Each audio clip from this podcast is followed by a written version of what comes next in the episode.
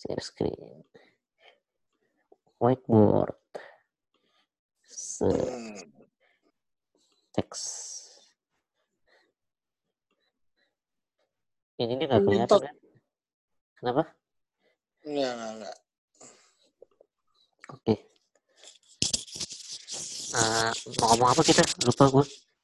Eh, lu bisa ini juga whiteboard. Lu bisa juga itu. Bisa dong. Kok bisa sih? Bisa lah. Nih.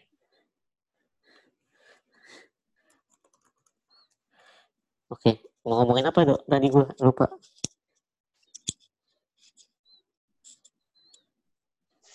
Bisa, bisa. Mau bikin apaan? Gak tahu. Apaan, Jun? Tadi gue mau ngomongin apa ya? Lupa gue.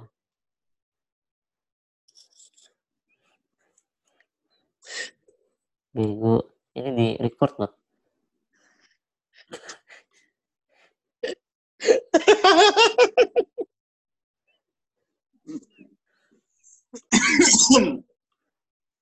Oke.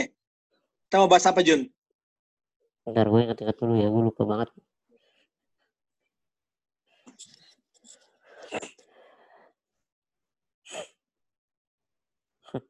Pengeluaran GoPay gue berkurang loh.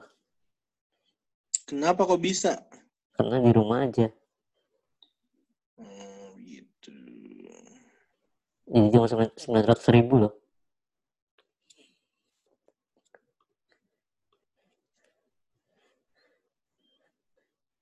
Aduh, ngomong apa gue lupa.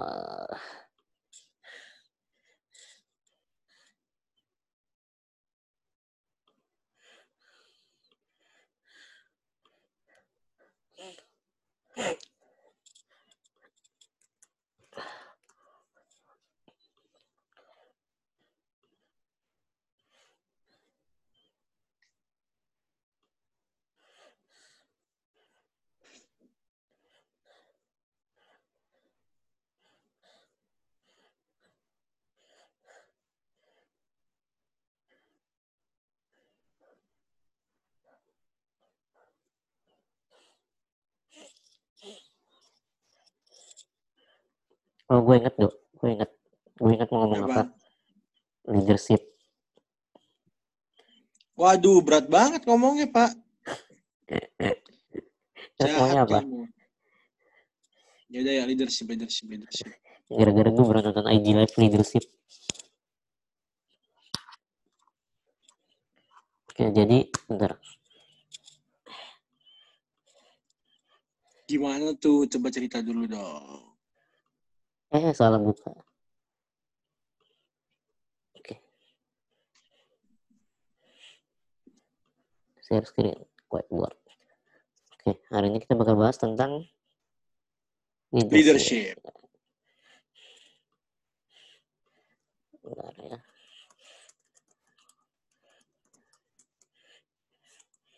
Leadership. Kok nggak bisa sih? Oh, oh ya ampun. Kok nggak bisa di tengah gitu sih? Hmm? Oke, leadership. Menurut lo, gimana cara menjadi leader yang baik?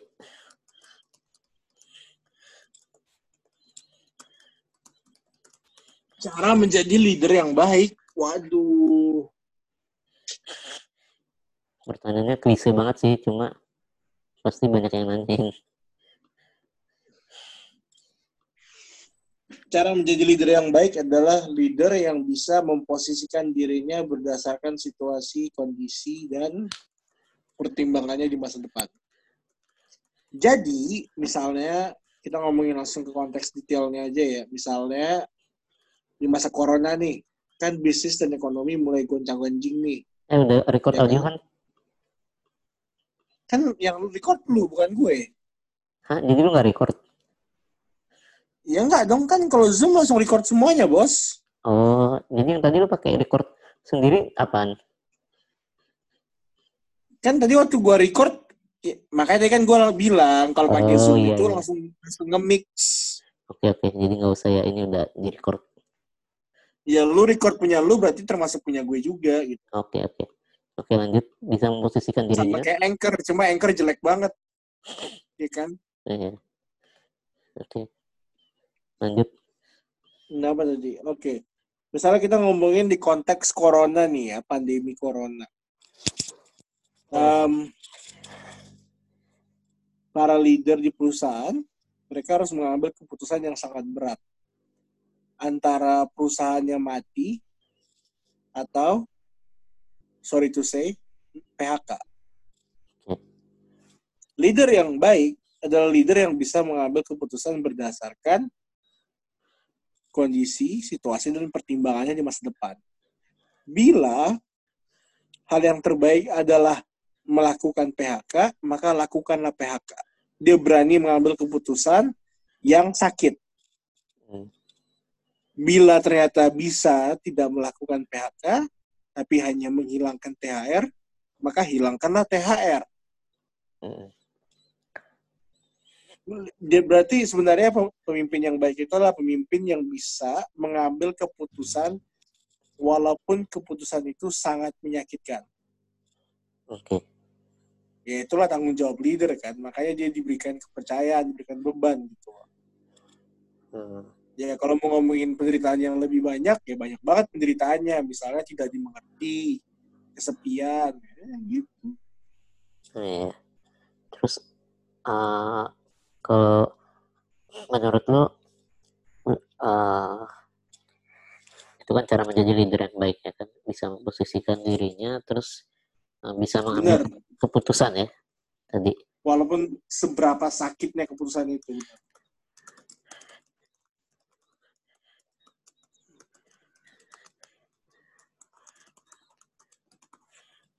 Gila. Ini Eh. masuk podcast banget ini. Bisa mengambil keputusan walaupun berat dan menyakitkan. Yoi. Oke, terus eh Oke. Nah, terus gimana caranya supaya lu misalkan misalkan nih memposisikan dirinya sesuai situasi dan kondisi ya kan? Berarti itu kayak jatuhnya kayak empati lah ya. Hmm. Nah, gimana caranya supaya lu eh, benar-benar bisa memposisikan diri lu sesuai dengan situasi dan kondisi yang ada gitu. Misalnya sesuai dengan situasi dan kondisi eh, anggota lu misalnya kayak gitu supaya lu eh, akhirnya pada akhirnya juga bisa supaya bisa mengambil keputusan kan. Jadi gimana caranya supaya lu tahu ini posisi yang di- sedang dialami oleh eh, karyawan lu atau ya yang sedang dialami oleh eh, perusahaan itulah gimana caranya? Hmm.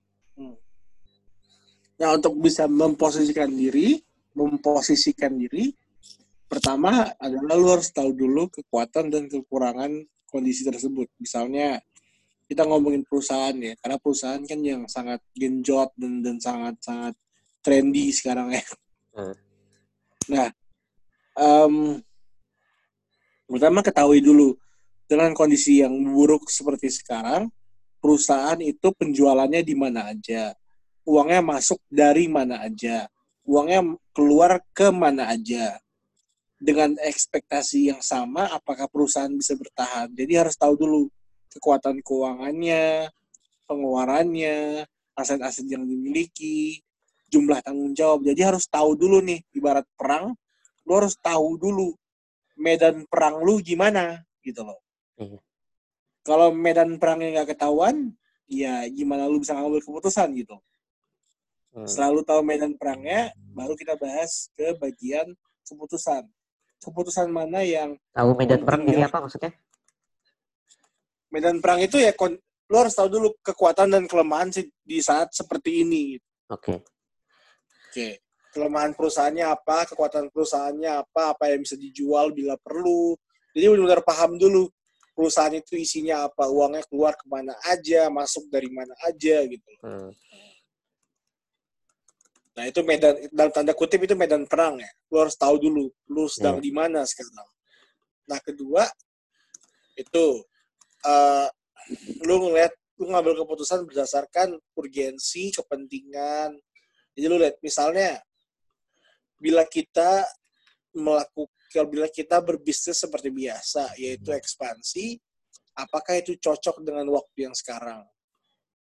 Hmm. Jadi kalau lu udah tahu medan perang, lu bisa ngeliat, lu bisa merevisi ulang dari keputusan lu yang sebelumnya, lu bisa merevisi lagi dari tujuan lu yang sebelumnya, target lu yang sebelumnya. Apakah cocok kita pakai target yang sama? Nggak cocok, ya harus di- diubah gitu loh. Siap berubah gitu. Siap menyesuaikan lah ya. Iya. Siap Nah, beradaptasi. ini menuju menuju kepada ke titik ketiga. Titik ketiga adalah seberapa cepat dan seberapa akurat pemimpin bisa beradaptasi dengan situasi. Karena bisa aja nih di minggu ini kita eh, misalnya ya sebelum corona kita bakal ekspansi, kita bakal bikin toko di Jogja, di Bali, di NTT, di NTB, di mana-mana gitu. Eh corona nih keuangan nggak mau keuangan nggak kuat klien kita berkurang segala macem apakah kita harus pakai ke- keputusan yang sama yaitu ekspansi ke Bali ke Jogja gitu-gitu? Ya Ya, nggak dong enggak. cocok dong. Iya. nah kita lihat kita kuatnya ke mana? Oh cuma bikin toko di Jogja. Waktu ke Jogja kita lihat lapangannya ternyata dampak corona merusak daya beli masyarakat di Jogja. Kalau gitu kita ubah lagi. Pertama kita udah bikin target untuk ekspansi, kedua kita ubah hanya untuk di Jogja, ketiga karena udah cek lagi ternyata nggak perlu bikin toko di Jogja, bertahan aja di Jakarta gitu. Hmm. Jadi harus cepat ambil keputusan. Walaupun lu udah planning yang sangat berat di minggu lalu, ternyata plan lu nggak penting lagi di minggu ini. Ya buanglah plan lu yang sebelumnya, bikin plan yang baru. Hmm.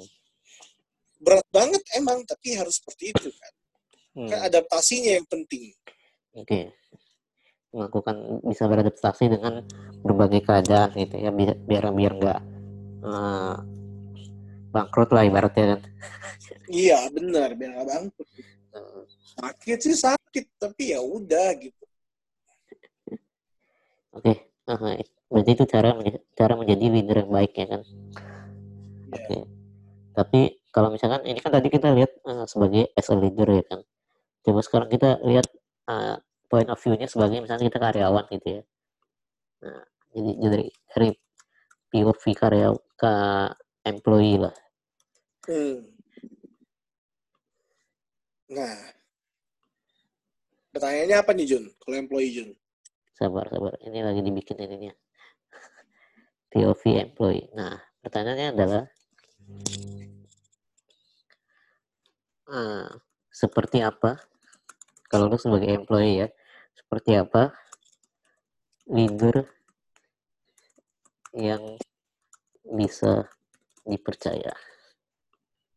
Silakan dijawab. Em,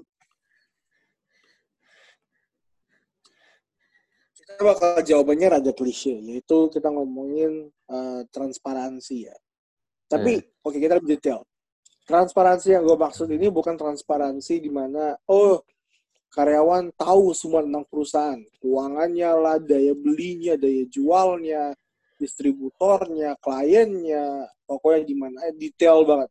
Enggak, gue ngomongin transparansi itu loh. Karena memang perlu ada dan emang ada kewajiban untuk merahasiakan beberapa hal. Misalnya pemegang saham, misalnya berapa modal yang disetor, siapa notarisnya, rapatnya, itu kan perlu dirahasiakan kan. Iya. Ya tahu secukupnya saja gitu. Jadi yang dimaksud transparansi itu adalah transparansi personal di mana pemimpin, para manajerial ke atas itu memberikan waktu mereka untuk berbincang, berdiskusi dengan karyawan. Jadi ngebangun transparansi personal gitu. Ya kan? Harus personal ya. Iya. Kayak misalnya nih karyawan kalau denger direktur utamanya bilang, eh gue kadang sebenarnya bingung mau ngambil keputusan yang kayak gimana. Karyawan yang dengar kan langsung kayak, oh ternyata direktur gue juga manusia gitu. Hmm, Iya kan? Karena kan Iya. umumnya kalau karyawan ngeliatin manajerial ke atas tuh kayak orang-orang bertangan besi lah, yang jahat lah segala macem. iya. Iya memang benar bertangan besi bener gitu. Hmm, Jahat itu bisa dipertanyakan. Tapi emang bertangan besi karena mau nggak mau ya uang itu real kan. Nggak iya. bisa bayar gaji karyawan tuh sakit. Hmm.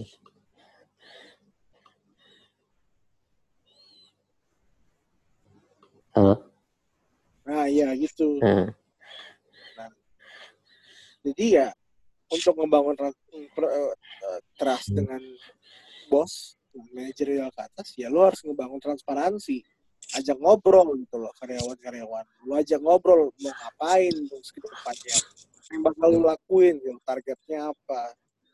Ajak makan, ajak ngongkrong gitu loh. Quality time lah ya. Ya, quality time. Sebenarnya yang paling efektif adalah untuk ngebangun kar ngebangun trust dengan pemimpin adalah pemimpinnya secara genuine ya, secara tulus dari lubuk hatinya yang paling dalam itu duduk bareng terus memper terus ngebantu karyawannya dalam masalah karir. Hmm. memberikan arahan. Misalnya karyawannya bilang bro gue eh bos gue pengen jadi direktur nih apa yang harus gue lakuin? Ya lo sebagai pemimpin bilang "Eh, oke kalau lo pengen jadi direktur ini lo tanggung jawabnya ini ini ini. Jadi lo ngebantu dia dalam memajukan karirnya. Iya. itu kalau dilakuin beh karyawan tuh trustnya tinggi banget bos Iya. beneran Bener. enggak Eh, Bener-bener. ya bener dong kan gue pemimpin sekaligus karyawan kan gila lo Iya. Sama-sama kerja juga. Iya. Tapi maksudnya eh, kalau misal eh, di sini dari POV employee seperti apa leader yang bisa dipercaya? Maksudnya eh, maksud gue adalah eh, gimana caranya lu bisa meyakinkan karyawan lu bahwa lu leader yang tepat, yang baik, maksudnya yang bisa bertanggung jawab gitu loh. Kan kadang eh, kayak kita kita lihat di kehidupan sehari-hari aja gitu ya kan, ada orang yang yang punya yang berbakat buat buat buat memimpin tapi eh, nggak mau memimpin kayak gitu. Sedangkan orang yang nggak punya bakat untuk memimpin mau memimpin kayak gitu. Nah itu akhirnya yang yang nggak yang nggak yang nggak punya bakat untuk memimpin tapi mau memimpin itu kan eh, trustnya susah lagi ya kan? Nah gimana tuh caranya supaya maksudnya eh, ya kita eh ya, misalnya kita sebagai eh, leader eh, bisa dapat bisa dipandang oleh employee kita sebagai leader yang leader yang tepat gitu loh. Leader yang bisa dipercaya dalam bertanggung jawab dan dalam melaksanakan tugas Coba, coba, coba lu percaya lagi pertanyaannya jadi dua hati kayak pertanyaan lu panjang banget tiap paragraf bro. lu berarti bisa men kayak, kayak kayak guru dong pertanyaannya A ini B ini tapi satu soal. itu mah itu mah pilihan ganda bangke ya, jadi Ya, intinya pertanyaannya apa tadi pertama? Hmm. jadi intinya ya, gimana lu sebagai leader eh, bisa meyakinkan employee employee lu bahwa lu itu adalah leader yang bisa memimpin bisa bertanggung jawab gitu loh Pertama akui dulu bahwa eh, karyawan tuh gak bakal serta merta percaya sama pemimpinnya gitu. Hmm, Kayak kita nggak idealis ya, kita ngomongnya realistis aja. Banyak kok orang yang bekerja di perusahaan bukan karena eh gue suka lah pemimpinnya. Ya enggak lah, lu baru masuk perusahaannya kok langsung bilang lu suka pemimpinnya, ya nggak logis dong. iya Jujur aja gitu loh. Lu Hmm, masuk ke perusahaan kenapa? Gajinya tinggi. betul Kan? iya Ada training. Lu suka gajinya oke, trainingnya oke, lanjut gitu loh. Lu tau nggak pemimpinnya siapa? Enggak. Jadi akui dulu bahwa dari sudut pandang pemimpin, para leader, para manajer ke atas, akui bahwa ada karyawan yang bakal masuk di perusahaan lu dan bahkan bertahan lama di perusahaan lu tapi nggak serta-merta percaya sama lu. Hmm, Karyawan itu suka sama lu karena gajinya tinggi, tempat kerjanya enak, dapat pelatihan. hmm. Tapi dia nggak percaya sama lu. Banyak loh yang kayak gitu, ya kan? banyak Mas. iya ada juga sebaliknya gitu loh gaji B aja pelatihan B aja semua B aja tapi dia suka sama leadernya dia bertahan jadi sebenarnya kalau mau ngomongin gimana caranya supaya karyawan nge-look up dengan para pemimpin pertama ya nunjukin dulu bahwa pemimpinnya itu manajerialnya itu bisa diakses Apanya bisa diakses? Nah ini yang bisa diakses Jun. Apanya? Orangnya. Oh, Oke. Biasa tuh kan manajerial dengan orang tidak manajerial atau staff atau menengah ke bawah di perusahaan. Mereka itu ada kayak disparitas gitu, ada kayak jarak antara A dan B. Kayak susah Hmm. banget orang bawah menghubungi orang atas gitu loh. Oke, iya benar. kalau mau bikin op, karyawan percaya dengan bosnya, walaupun dia pertama kurang suka atau masuk cuma karena gaji doang, ya mau nggak mau bosnya harus memberikan akses. Jadi misalnya bosnya gampang diakses dengan WhatsApp, gampang Hmm. diakses dengan misalnya Instagram gitu, Balas dengan Line, gitu ya. iya dengan iya bahasa cepat dengan email gitu. Nah itu kan pertama itu udah ngebangun jalur hubungan antara karyawan dengan atasan gitu. Very good, itu very good. Nah kedua, gimana cara bikin trust? Ya tadi genuinely peduli dengan per- pertumbuhan karir dengan para karyawan. Gimana caranya supaya karyawan bisa menilai bahwa lu pemimpin yang tepat?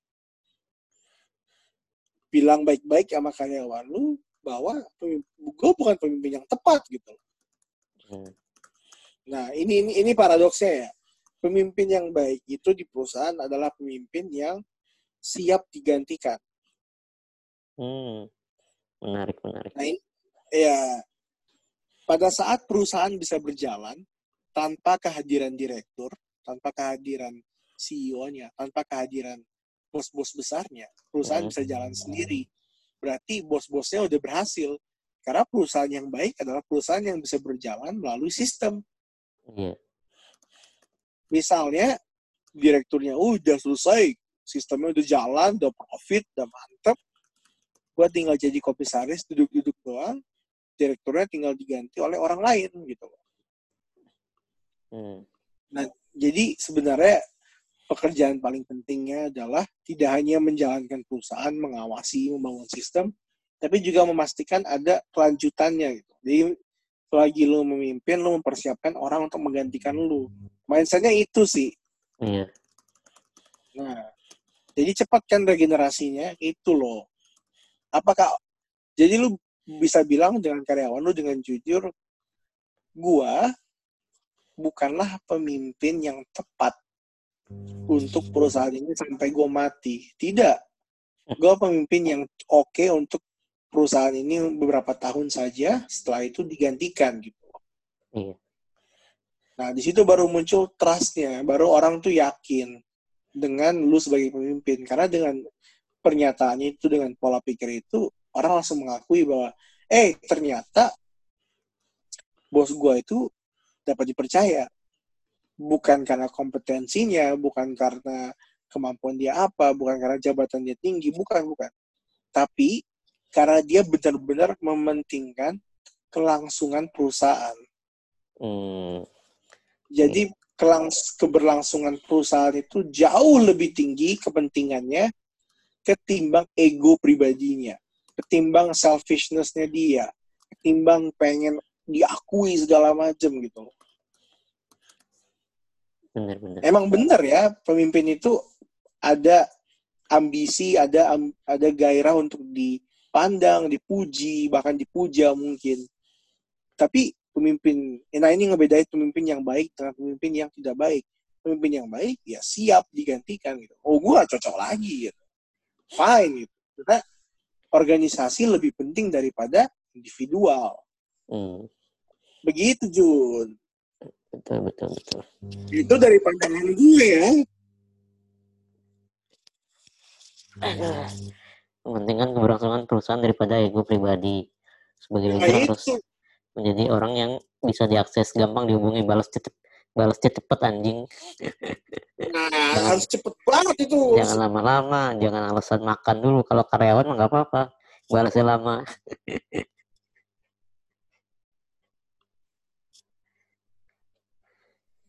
peduli dengan jenjang karir karyawan. Lalu tuh masih di situ kan? Masih dong. oke gampang dihubungi. Eh, tadi udah peduli dengan jenjang karir karyawan. Gimana caranya uh, lu sebagai leader bisa peduli dengan, dengan jenjang karyawan dengan jenjang karir karyawan tapi karyawannya tidak pernah share apa yang dia tuju dalam karir. Ya, tidak pernah share dengan apa? Dengan dengan dengan karirnya dengan jenjang karirnya. Ya nah ini kita kalau udah ngomongin ini kita ngomongin uh, social darwinism ya atau seleksi alam gitu. Terus sebagai pemimpin bilang bahwa eh hey, gue bakal membuka sesi di mana kalau kalian kalian lihat kalian mau advice untuk karir kalian I am here. Kalian bisa kontak gue kalian bisa ngobrol sama gue nongkrong sama gue kita diskusi we're try we're going to try to solve the problem together. Lu udah bilang nih ke semua karyawan lu 100 orang lah bahkan mungkin cuma 10 orang 20 orang. Nah saat lu udah bilang gini ya nggak semua orang bakal datang ke lu kayak eh minta bantuan dong gitu. Enggak enggak berapa akan datang ke lu dan itu harus lu ya terima aja gitu loh. Dari 100 paling cuma ada 10 orang yang yang ambisinya pengen jadi direktur. Dan itu wajar kan kalian kan kita semua tahu kan hukum Pareto hukum 20 80 iya. mana 20 persen itu akan menghasilkan 80 persen kan? Iya. Gue belajar sama gitu. Uh. ya sama gitu loh. Lu lu tebarin jalan lu bahwa lu siap ngebantu 100 orang 200 orang 300 ribu ribu tapi yang bakal bakal bersama lu dari awal sampai akhir ya paling cuma berapa sih 10 20 Nah, kalau kita kerucutin, kerucutin lagi, kerucutin lagi ya, siapa sih yang bakal jadi pemimpin yang lebih baik dari lu atau equally baik dengan lu? Paling cuma berapa? Lima orang, tiga orang? Ya nggak apa-apa gitu. Iya. Ya, ya balik lagi ke filosofi dasarnya. Kamu manusia, kamu tidak akan pernah bisa menolong semua orang. Titik. Gak usah, gak usah egois menolong semua orang, gak usah egois ngebantu semua orang. Enggak. Nggak bisa dan nggak semua orang punya ambisi yang sama kayak lu gitu. nggak semua orang pengen jadi leader betul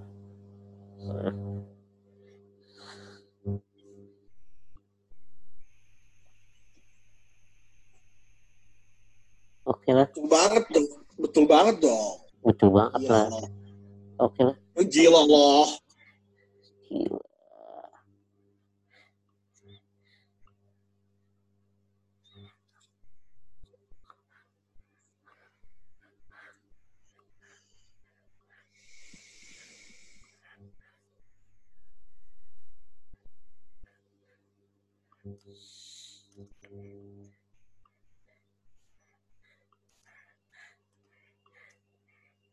Oke, udah podcastnya sampai situ aja.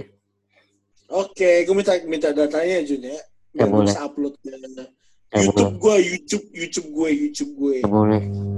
Gak boleh terus YouTube lu berantakan aja. Gak apa-apa.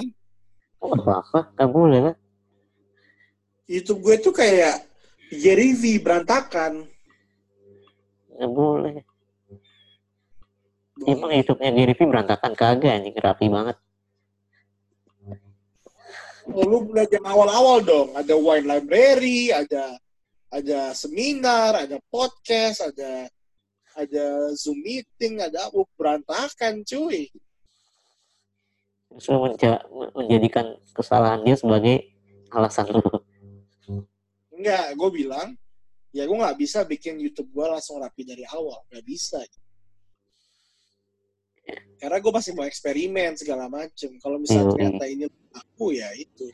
Gue nggak ada nggak ada tim kan. Gue cuma bisa gue cuma seorang diri dan bagi gue semua konten yang dalam tanda kutip pengembangan diri self help bagi gue layak buat ditaruh di YouTube gue gitu.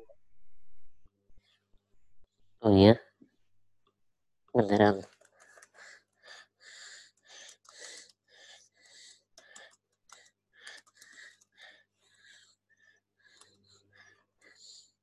Paling gue cuma upload ke ke Spotify gue tapi ya udah kirim aja dulu datanya bos. Oke. Okay. oke okay, thank you banget ya. Eh thank you. Gue mau mau lanjut konten. Eh, edit video gue udah kelar belum? Ya. Eh belum. Kayaknya sampai bulan depan deh. Ya. Aja gue mau rekaman juga mau nambah-nambah oke thank you ya bos iya iya. Thank you malam-malam. Malam baik. Eh kirim datanya ya yang tadi. Iya ya yuk. Yuk